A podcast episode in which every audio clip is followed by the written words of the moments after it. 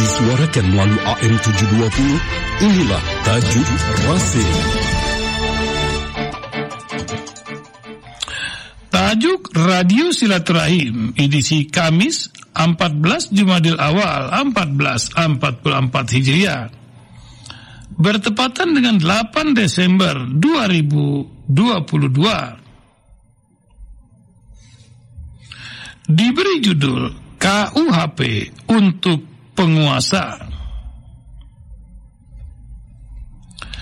Dewan Perwakilan Rakyat akhirnya mengesahkan rancangan Kitab Undang-Undang Hukum Pidana pada Selasa kemarin di rapat paripurna 11. Tentu, hal ini banyak menimbulkan polemik karena diketahui jika RKUHP ini terdapat beberapa pasal yang justru membungkam kebebasan dalam berpendapat.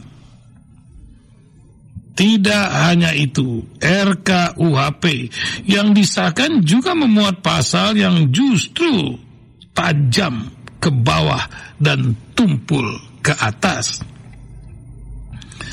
Dalam kitab Undang Hukum Pidana, ada sejumlah pasal baru yang dianggap masih bermasalah. Misalnya, pasal penyerangan kehormatan atau harkat dan martabat presiden atau wakil presiden, penghinaan, demo tanpa izin, kena pidana, hingga larangan penyebaran paham bertentangan dengan Pancasila.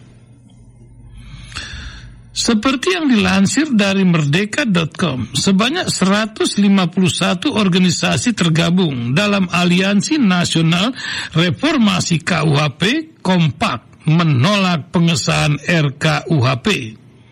Menurut mereka, ada pasal-pasal yang terkandung dalam draft akhir RKUHP masih memuat pasal-pasal anti demokrasi melanggengkan korupsi di Indonesia, membungkam kebebasan pers dan menghambat kebebasan akademik. Selain itu, masih terdapat aturan yang mengatur ruang privat seluruh masyarakat, diskriminatif terhadap perempuan dan kelompok marginal, mengancam keberadaan masyarakat adat, dan memiskinkan rakyat. Apalagi menyoroti pasal 349 ayat 1 yang berbunyi, setiap orang yang di muka umum dengan lisan atau tulisan menghina kekuasaan umum atau lembaga negara dipidana dengan pidana penjara paling lama satu tahun enam bulan atau pidana denda paling banyak kategori dua. Dalam penjelasan RUU tersebut disebutkan yang dimaksud dengan kekuasaan umum atau lembaga negara antara lain DPR, DPRD, Polri, Kejaksaan atau pemerintah daerah. Terkait penghinaan, jika pemerintahannya baik, yang muncul pujian, bukan penghinaan. Munculnya pasal penghinaan mengindikasikan pemerintah tidak baik. Jadi, penghinaan tidak perlu diatur jika negara mengutamakan ketakwaan rakyat, yakni dengan mendorong rakyat agar bertakwa dan religius. Pasal ini jelas sekali untuk melindungi oligarki dan seperti ada agenda besar di baliknya. Bisa saja undang-undang ini dipakai agar pejabat yang memutuskan sesuatu yang tidak adil karena melindungi oligarki tidak boleh dituntut. Mencermati hal tersebut, pasal-pasal kontroversi KUHP memang patut kita kritisi. Pertama, berpotensi multitafsir jika yang dimaksud menghina adalah mengkritik kebijakan penguasa, maka itu adalah bentuk membungkam suara rakyat. Jika yang dimaksud menghina adalah menghina fisik penguasa, boleh saja berlaku pasal demikian. hanya saja aktualisasi pasal penghinaan kepada pemerintah, kepala daerah, wakil rakyat, atau aparatur negara lainnya sering kali berujung pelaporan oleh pihak-pihak yang tidak terima pemimpinnya dikritik. Kedua, mengancam kebebasan berpendapat bagi publik. Pasal-pasal tersebut akan menghalangi hak publik dalam menyampaikan pendapat dan aspirasinya kepada penguasa. Sebagai contoh, pasal 273 yang menyatakan demonstrasi tanpa izin akan dipidana penjara paling lama satu tahun.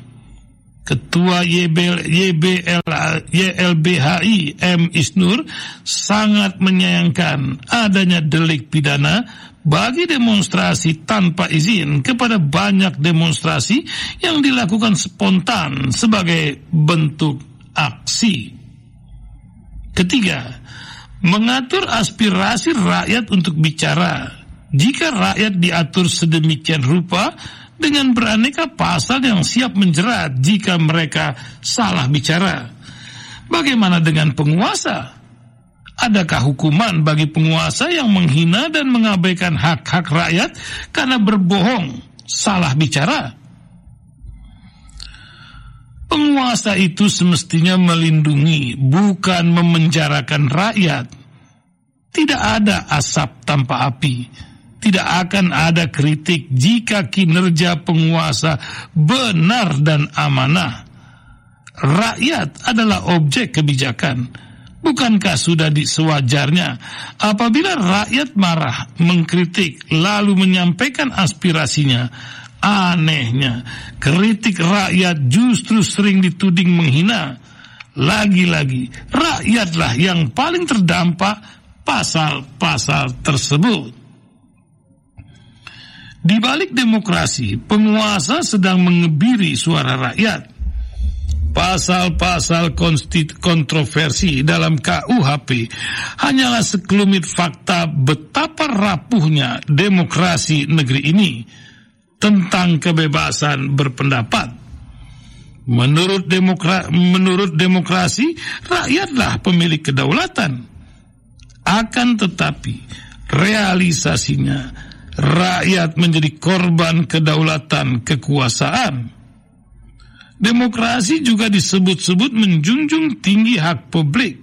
Faktanya, pemimpin hasil demokrasi malah mengeliminasi hak rakyat dalam mendapatkan pelayanan terbaik. Kebijakan penguasa kerap berlawanan dengan kehendak rakyatnya. Wallahu a'lam bissawab.